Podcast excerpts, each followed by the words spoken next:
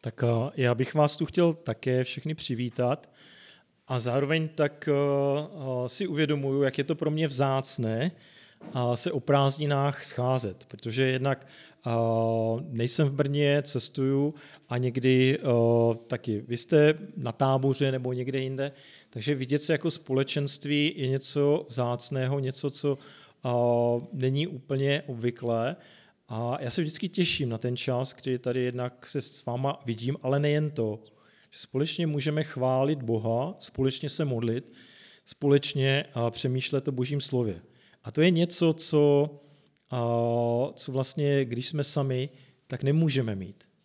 Můžeme se modlit sami, můžeme se modlit v duchu, v Kristu, můžeme se modlit se svými blízkými, ale nemáme to společenství, které nám dává Kristus skrze své tělo. Takže z toho mám radost. A jak říkala na začátku eh, Terka, tak my tady probíráme eh, to téma Znali svého Boha. A jsou to příběhy lidí ze starého a nového zákona, eh, kteří nějakým způsobem se setkali s Bohem a co to způsobilo v jejich životě. Minulé tady Jana mluvila o Abigail a dneska se podíváme do nového zákona a podíváme se na Nikodéma. A zároveň, když se budeme dívat na tuto osobu, tak můžeme přemýšlet, jakým způsobem Pán Bůh přichází do našeho života. Jakým způsobem nás zastavil, jakým způsobem vůbec vstoupil do toho života a co se dělo potom. A zároveň bych chtěl říct, že když se díváme na ty jednotlivé příběhy, a vidíme uh, ty lidi, kteří nějakým způsobem se setkali s Ježíšem, poznali Boha, a tak uh, je potřeba, nebo je dobré si uvědomit, že ten příběh není uzavřený, že pokračuje a že pokračuje v církvi, že pokračuje v našich životech. A že to, co se stalo, se děje i dneska. Děje se to mezi námi, děje se to v našich životech, děje se to kolem nám, nás. A je dobré přemýšlet, kde jsem, v které fázi jsem teď já a k čemu mě Pán Bůh volá, co mi chce říct. A i o tom budeme přemýšlet v tom našem příběhu. Takže kdo máte Bible, já bych vás chtěl poprosit, kdybyste si otevřeli v Janovi evangeliu a budeme číst z druhé kapitoly z 23. verše do třetí kapitoly do 15. verše. A já to s dovolením přečtu tady v překladu 21.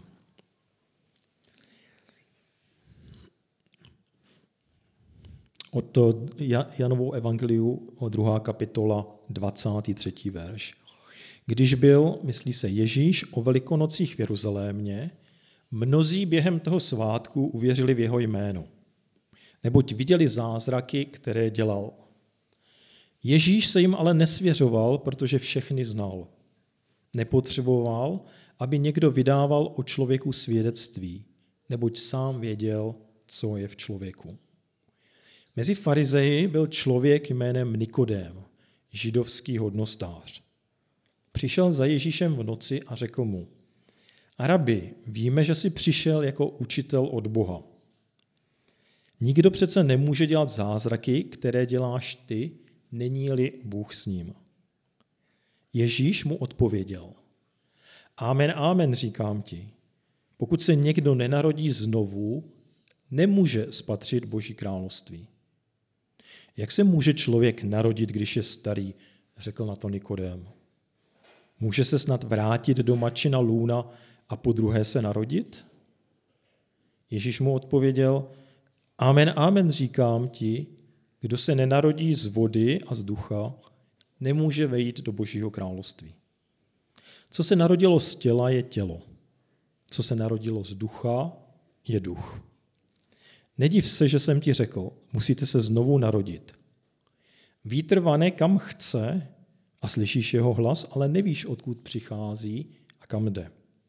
Tak je to s každým, kdo se narodil z ducha. Jak se to může stát, zeptal se Nikodem.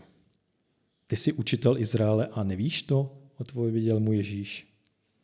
Amen, amen, říkám ti, že mluvíme o tom, co známe a svědčíme o tom, co jsme viděli, ale naše svědectví nepřijímáte. Jestliže nevěříte, když jsem vám říkal pozemské věci, jak uvěříte, budu-li vám říkat nebeské? Nikdo nevystoupil do nebe, jedině ten, kdo se stoupil z nebe. Syn člověka. Jako Mojžíš vyzdvihl hada na poušti, tak musí být vyzdvižen syn člověka, aby každý, kdo věří v něj, měl věčný život. Tak já bych to tady ukončil, což je takové neobvyklé, protože pak následuje ten verš, který všichni znáte. Ale k tomu příběhu, co budeme číst, toto stačí. A je to příběh o Nikodémovi, který tam vystupuje a na rozdíl od jiných postav je tady docela pěkně představen. Co o něm víme? Jednak tam vidíme, že to byl farizeus, dále tam se píše, že byl židovský hodnostář a konkrétně to znamená, že on byl členem židovské velerady. Takže byl ten, který rozhodoval o různých právních a náboženských otázkách židovského národa. A zároveň tam čteme o něm, že byl významný učitel Izraele. A což je celkem významná postava v té době, ale my vidíme, že tady jedná trošku neobvykle. V noci, když je tma, přichází opatrně k Ježíši a jde se ho na něco zeptat. A, a jednak eh, v té jeho otázce, nebo v tom, když tam přichází, tak vidíme uh, takovou opatrnost před Ježíšem, ale zároveň i úctu. Odslovuje ho rabi, mistře, a uh, říká mu, že ty jsi učitel od Boha a vidíme, že děláš zázraky, které nemůže nikdo dělat. Takže vidíme jakousi úctu, která mezi farizeji v té době byla celkem taková výjimečná a zároveň hledání. On přichází k Ježíši, aby zjistil, kdo on vlastně je. Pravděpodobně slyšel to, co se děje, viděl zázraky, které Ježíš dělá, a tak přichází a chce vědět víc. A já si myslím, že to je takové to upřímné hledání, kdy uh,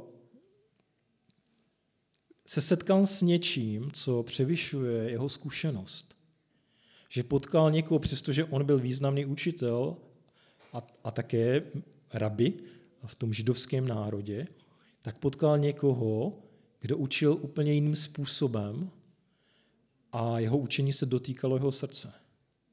A on přichází, aby, slyš, aby zjistil více. Ale i v té jeho řeči k Ježíši tady vidíme trošku takový rozpor. On ho oslovuje rabi, mistře, říká, ty jsi učitel od Boha. A pak mu říká, nikdo nemůže dělat zázraky jako ty. Jako kdyby v té době všichni učitelé dělali zázraky a bylo to normální. On si neuvědomuje, že když Ježíš dělá zázraky, o kterých jsme na, zača- na konci té druhé kapitoly četli, takže je něco víc než ten mistr.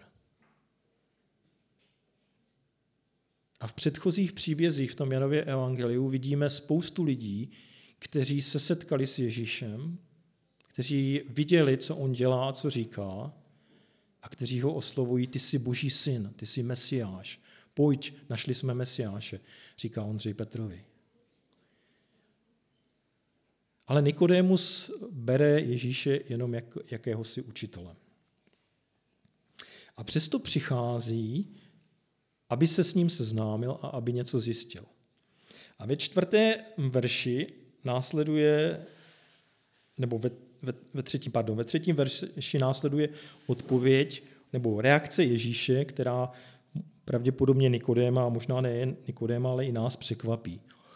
Na tu jeho otázku, nebo na to jeho uh, tvrzení, že on je učitel od Boha, Ježíš odpovídá, amen, amen, říkám ti, pokud se někdo nenarodí znovu, nemůže spatřit Boží království. To je taková zvláštní reakce. A vidíme, že tady Ježíš odpovídá na otázku, která nebyla položena. Proč? A klíčem k té odpovědi jsou předchozí verše na konci té druhé kapitoly, kdy Ježíš říká, nebo kde se píše, že Ježíš věděl, co je v člověku. Nemusel se na nic nikoho ptát. A když za ním přichází Nikodém, tak Ježíš ví, co je Nikodémův hlavní problém. Ví, že on je významný hodnostář, ale také ví, že mu něco chybí. A to něco je celkem podstatné. Týká se to vstoupení nebo příchodu do Božího království. Týká, týká se to znovu zrození. A možná, že Nikodém, když přišel k Ježíši, tak chtěl jenom si podiskutovat o některých věcech, ale Ježíš to odmítá. On nepřišel proto, aby s námi diskutoval, ale proto, aby nás spasil. Přišel proto, aby zachránil člověka. A teď přichází, aby zachránil i Nikodéma. Pro farizeje byla cesta ke spasení skrze dodržování tradic a zákona, skrze studium písma. Ale Ježíš tuto cestu odmítne a ukáže, že to nestačí. Aby někdo vešel do nebeského království, tak nestačí, že je významný učitel v Izraeli, nestačí, že dodržuje předpisy, přísné předpisy farizejů a nestačí, že se drží zákona a tradic. To jsou jenom částečné věci, které můžeme udělat ve svém životě, kdy se nějakým způsobem chováme. Ale Ježíš tady říká, proto, aby člověk vstoupil do Božího království, je potřeba úplná změna. Nová existence. Tady tomu říká podobně jako narodit se. A to je v podstatě ta podstata, kterou tady říká nejen Nikodémovi, ale i nám.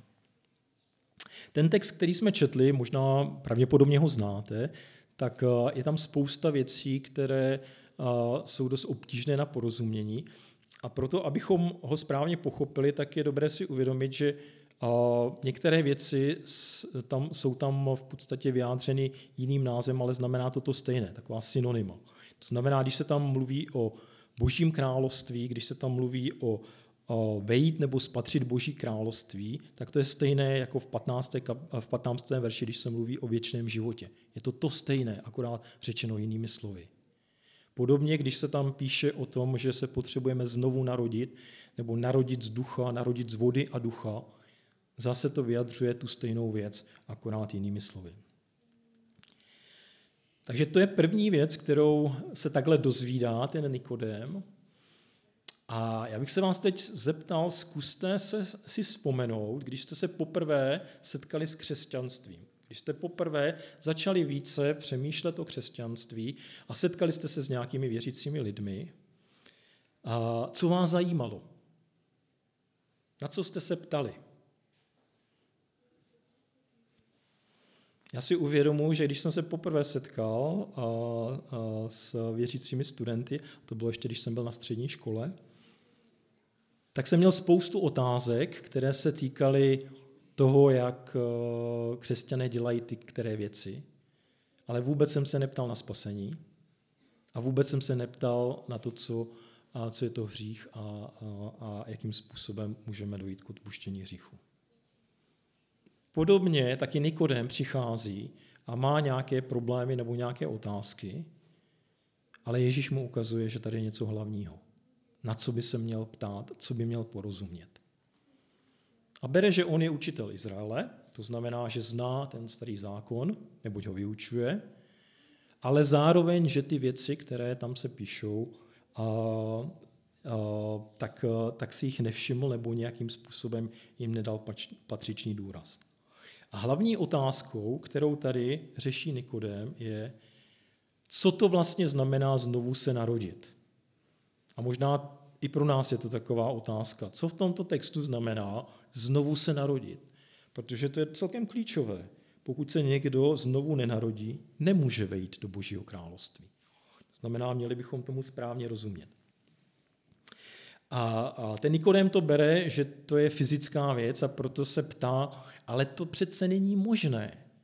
Teď člověk, který už je starší, jak se může znovu vrátit do luna své matky a znovu se narodit? To přece nejde.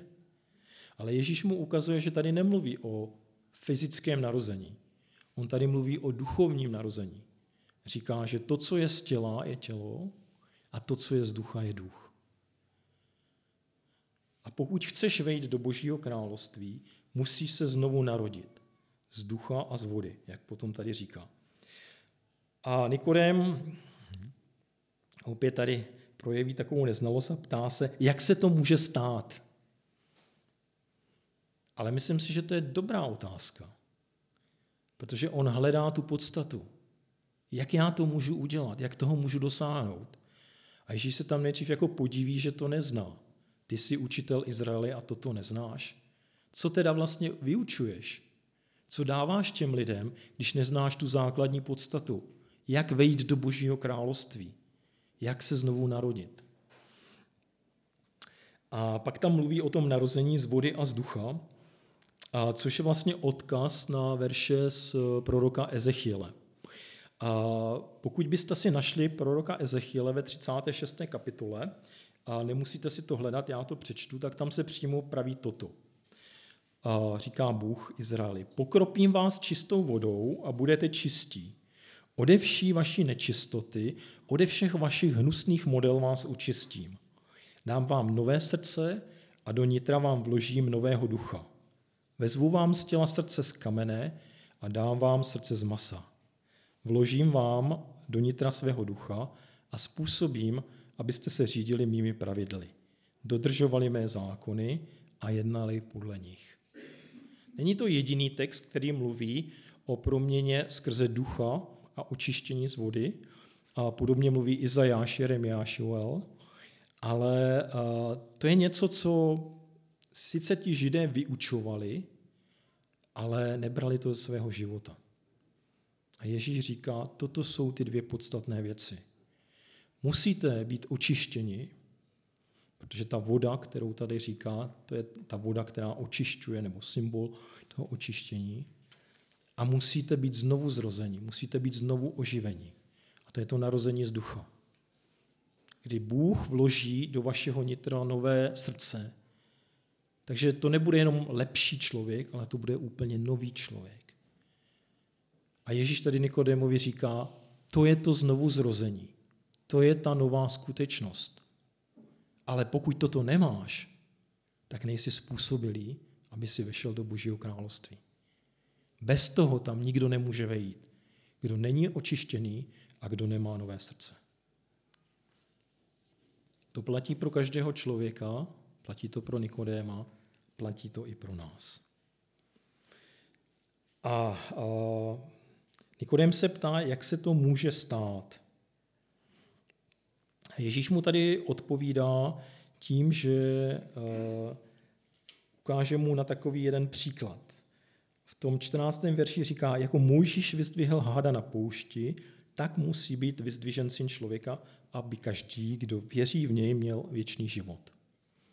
Zase tady je odkaz na starý zákon, na knihu Numerí, a kde je takový příběh Izraelců, jak táhnou pouští. A tam se stalo to, že v určitý okamžik oni začali reptat proti hospodinu a říkali, proč si nás vyvedl z Egypta? Chceš, abychom tady zahynuli a proč nám dáváš ten pokrm, který tady dostáváme každý den? Nám to nechutná, my se chceme vrátit. A hospodin se na ně rozlobil a poslal na ně jedovaté hady, kteří mnoho lidí uštkli a oni zemřeli. A ten lid si najednou uvědomil, co všechno pro něho ten Bůh udělal a volal k Mojžíši, aby je zachránil. A Mojžíš se modlí k Bohu a prosí za to, aby hospodin odvrátil tu hrozbu. A hospodin říká Mojžíšovi, vytvoř si bronzového hada, podobu hrada a dej ho na takovou vysokou tyč a každý, kdo se na toho hada podívá, tak nezemře, i když by byl uštknut. A tady vidíme ten princip, který Ježíš říká Nikodémovi. Pokud uvěříš tomu, co řekl hospodin, že když se podíváš na toho bronzového hada, tenkrát říká Izraelcům, budete zachráněni, tak se to taky stalo. Kdo vzal tato slova vážně a kdo se jich držel, tak byl živ. Kdo to odmítl, kdo tomu nevěřil, kdo se nepodíval, tak zemřel. A Ježíš teď říká Nikodémovi a s tím duchovním obnovením je to stejné.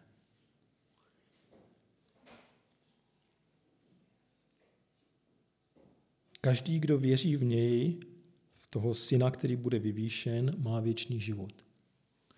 Každý, kdo vloží svoji důvěru, kdo se spolehne na Ježíšova slova, kdo se bude držet toho, co Ježíš říká, bez toho, aby měl třeba nějakou jistotu, tak každý, kdo tomuto uvěří, bude zachráněn.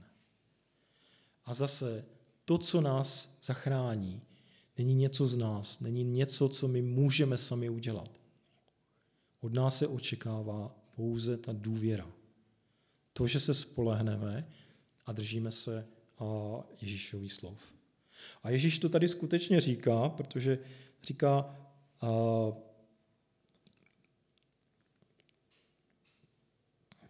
mluvím, v tom verši 11, mluvíme o tom, co známe a svědčíme o tom, co jsme viděli.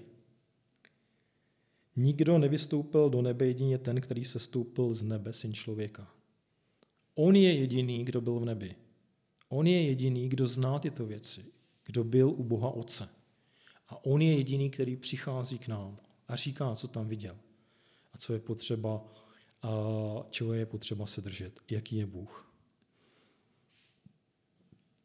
Takže to je to, co se dozvídá, dozvídá Nikodém. Když jste se setkali s křesťanstvím, když jste přemýšleli o víře, co jste si mysleli, že je potřeba udělat, aby se člověk stal věřícím? Jaké jste měli představy o cestě k Bohu? Není to o tom chodit do kostela nebo do zhromáždění, Není to o tom dělat některé věci. Není to o tom číst Bibli. Je to mnohem něco hlubšího. Je to o proměně. Je to o tom, že Bůh vstoupí do našeho života. Že my pozveme Boha do našeho života. Dáme mu svůj život, aby ho proměnil, aby v něm pracoval.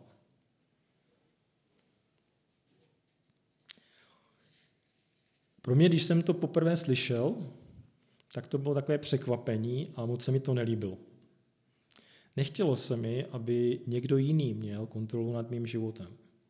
Tak jsem zkoušel s tím, co jsem znal o Bohu, žít dál. Ale potom jsem zjistil, že nejsem schopen jednat tak, jak bych já rád a jak se třeba líbí Bohu. Snažil jsem se být dobrý nebo chovat se dobře, ale zjistil jsem, že v mém srdci je něco, co já nedokážu ovládnout. A teprve v té chvíli jsem volal k Bohu a prosil ho, aby on přišel a proměnil můj život, s kterým já stejně nic nejsem schopen udělat. Možná i Nikodéma překvapila Ježíšova slova. A zároveň uh, on byl ten, který, uh, který tomu rozuměl. Nikodem dostal odpověď, na kterou se neptal, ale pochopil, že jediná cesta k Bohu, jediná cesta do Božího království, jediná cesta, jak získat věčný život, je skrze proměnu, kterou udělá Bůh. Skrze očištění, které udělá Bůh a skrze to, že vstoupí Duch Svatý do jeho života a bude v něm pracovat. A toto jsou pouze informace. Nikodem dostal tyto informace. A teď je otázka, co on s tím udělá. Může se obrátit, odejít domů a říct si, to byl hezký rozhovor, to jsem si popovídal s Ježíšem, jednou si o tom budou číst lidé na kázáních, ale to je málo. V sázce je jeho život, jeho věčný život. A my přesně v této části nevidíme, co se děje, ale v Janově evangeliu jsou ještě další příběhy, které mluví o Nikodémovi a ukazují, že to, co tam Ježíš zasel, to boží slovo, které přišlo, tak vydává své ovoce. Začíná proměňovat, začíná působit. A tady bych vás poprosil, kdybyste se podívali na druhý text, který dneska budeme číst z Janova Evangelia, a kde se mluví o, o, o Nikodémovi, a to je v sedmé kapitole, to už bude takový kratší text. A tam je úplně jiná situace. v té době, je to asi pět měsíců po té první události, v Izraeli probíhá slavnost stánků nebo slavnost sklizně, kdy se židé schromáždí v Jeruzalémě a děkují tam Bohu, chválí ho za, za, to, za úrodu, kterou jim dal a jsou tam součástí bohoslužeb na schromáždění. A Ježíš tam vystoupí a začne učit a učí o živé vodě. A když se to dozví farizeové a velerada, tak tam pošlou stráže, aby mu zakázali uh, vyučovat, protože mnoho lidí to zaslechlo a mnoho lidí se obrátilo k Bohu. A od verše 45 v té sedmé kapitole můžeme číst toto. Strážní se tehdy vrátili k farizeům a vrchním kněžím. Ti se ptali, jak to, že jste ho nepřivedli? Strážní odpověděli, takhle nikdo nikdy nemluvil. Snad jste se také nenechali obloudit, osopili se na ně farizeové. Uvěřil v něj snad někdo z hodnostářů nebo z farizeů? Jenom ten proklatý dav, co nezná zákon. Jeden z nich, Nikodém, který ho předtím navštívil, jim ale řekl, co pak náš zákon někoho soudí, aniž by byl nejdřív vyslechnut a zjistilo se, co udělal? Snad také nejsi z Galileje, odpověděli mu. Studuj a uvidíš, že z Galileje žádný prorok nepovstal. Tak tady máme takovou drobnou zmínku o Nikodémovi, ale když eh, se díváme na tu situaci, tak vidíme už eh, jakousi proměnu v jeho životě. Už není ten, který v noci přijde, potají k Ježíši, aby se na něco zeptal, ale tady na veleradě vystoupí a jako jediný brání Ježíše. Nedělá to přímo, dělá to nepřímo, poukáže na židovský zákon, který nařizoval, aby když někoho soudí, byly vyslechnuty obě dvě strany, ale je odmítnut. A my tady vidíme jednak postoj těch farizeů, kteří se pišní tím, že znají zákon, zatímco ten prokletý dav ho nezná a sami ho nedodržují. Přímo ho odmítnou a když je na to, tak e, nepřímou e, poukážete Nikodém, tak se vrhnou na Nikodéma a začnou ho osočovat, že uh, jestli není z Galileje jako Ježíš, a jestli proto se ho nezastává. Je to taková ta známá taktika, když nemáte argumenty, tak začnete útočit na toho mluvčího, abyste ho svými argumenty umlčeli, ale přitom neřešíte ten hlavní problém. To, co tady vidíme v této části, je, že pro Nikodéma už není Ježíš jenom nějaký objekt intelektuálního zájmu. Nejde jenom o to, aby se něco dozvěděl, ale vidí, že ta slova, která Ježíš říká, jsou pravdivá.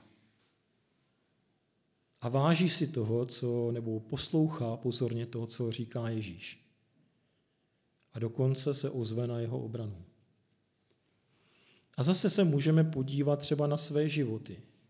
V které fázi našeho života, takového hledání nebo poznávání Boha, jsme začali brát Boží slovo a Boha vážně.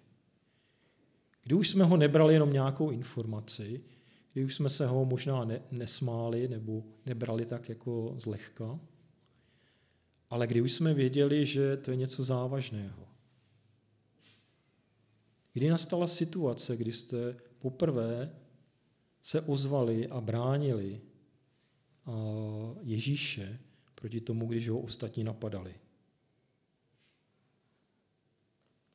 Začali jste obhajovat víru, která přicházela do vašeho života. A já si myslím, že i to je zase takový krůček na té cestě za Bohem. Kdy poznáváme, že to, co jsme slyšeli, to, co jsme četli, je pravdivé a že to je skutečné i v našem životě. A pak tady máme třetí setkání s Nikodémem, v Janově evangeliu a to je v 19. kapitole a to je už po ukřižování, kdy čteme v verších 38 až 42, jak eh, přichází Josef z Arimatie k Pilátovi, aby si vyžádal Ježíšovo mrtvé tělo a pak společně s Nikodémem ho jdou pohřbít. A o Josefovi z Arimatie je tam napsáno, že byl také člen židovské velarady a zároveň je tam uvedeno, že byl tajný učeník Ježíšovým. Ale nyní veřejně přichází k Pilátovi a žádá ho o tělo Ježíše. To je zase něco neobvyklého, protože když byli v ukřižování lidé v tomto římském prostředí, tak to znamenalo, že se zbouřili proti Římu. Nikdo jiný než zbouřenec a vrah nemohl být ukřižován. A tito lidé nebyli pohřbíváni. Většinou je hodili do hromadného hrobu určeného pro zločince. A proto, když přichází Josef Arimatie s Nikodémem a žádají Ježíšovo tělo, je to něco neobvyklého, ale Pilát jim ho vydal. A zároveň je to něco, kde vidíme, že berou Ježíše jako někoho víc než jenom nějakého zločince. Jsem si tak říkal, proč to dělají. Je jim líto nespravedlivě odsouzeného člověka a proto ho jdou pohřbít? Ale myslím si, že zatím je něco víc. Oni oba poznali, kým je Ježíš. Oba poznali, že on je Boží syn, on je ten spasitel, který přináší záchranu nejen pro Izrael, ale i pro celý svět, i pro ně osobně. A podle toho jednají. A už jim je jedno, co si o nich myslí druzí lidé. Už jim je jedno, co si myslí velerada. Nečteme nikde v Bibli o tom, jak se cítili, když byl Ježíš ukřižován. Je to tam napsáno o učednících, že měli strach, byli v depresi, byli, schovávali se, měli strach z pronásledování, ale tady nečteme vůbec o pocitech těchto dvou lidí, ale vidíme jejich skutky. Vidíme skutky, které jednají, protože Ježíš je pro ně někým vzácným, někým důležitým.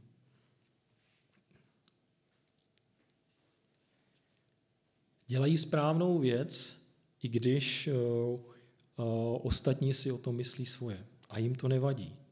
Nebojí se odmítnutí, nebojí se pro následování. Protože oni poznali pravdu a ta pravda je učinila svobodnými. To je příklad proměněného života. To jsou tři setkání, která tady máme s Nikodémem. Nic víc o Nikodémovi nevíme. Jediný Jan o Nikodémovi píše. Ani v žádné mimo biblické literatuře se s Nikodémem nesetkáte. Ale i z toho, co tady vidíme, můžeme pozorovat na jeho životě takové tři fáze, kterými on prochází. Na začátku je to takový ten intelektuální zájem o Ježíše, možná rozšířit své poznání, poznat, kdo on je, ale vidíme, že je uchvácen tím slovem, které říká. A ptá se, když si připadá hloupě. On, učitel Izraela, se ptá nějakého mladého rabiho, co to znamená ale vidíme, že to slovo začne v jeho srdci něco dělat. Duch svatý pracuje. A v druhé fázi vidíme, jak eh, on už se nebojí eh, se přiznat k tomu, že eh, naslouchá Ježíši a dokonce ho brání před veleradou. A v té třetí fázi vidíme, že jdou společně pohřbít Ježíšovo tělo a veřejně prezentují svoji víru. Je to příklad proměněného života, příklad toho, o čem říká Ježíš, musíte se znovu narodit. A tady vidíme, jak to znovu narození probíhá. Jak to znovu narození probíhalo nebo probíhá ve vašem životě? Kým je pro vás Ježíš? Jak ho berete vážně? je ten, před kým se skloníte, jehož slova čtete a hledáte odpovědi, hledáte, co to znamená. A není to jedno, jak se k tomu postavíme. Protože Ježíš jasně říká, že ten, kdo se znovu narodí, může vejít do Božího království. Jiná možnost není. A Nikodem to poznal. On něco uslyšel, a pak podle toho jednal. A Bůh proměňoval jeho srdce. Takže jednou, až budete v Božím království, tak můžete se zeptat Nikodéma na detaily, které tady nejsou. Já vám je nemůžu říct, protože je neznám. ale možná to bude zajímavý rozhovor. A když se bavíme o té cestě za Bohem, o tom, jak následovat Boha, tak vždycky, ať už jsme v jakékoliv fázi toho poznávání, je tady ta otázka. Důvěřuji tomu, co říká Ježíš. I když ty věci jsou pro mě někdy těžké, i když ne všemu plně rozumím. Nikodem se nebál přiznat k tomu, že tomu nerozumí. A ptal se, co to znamená, co to pro mě znamená, jak se to může stát, jak můžu vejít do Božího království. A dostal odpověď. A té odpovědi se držel. Držím se já odpovědí, které mi dává Ježíš.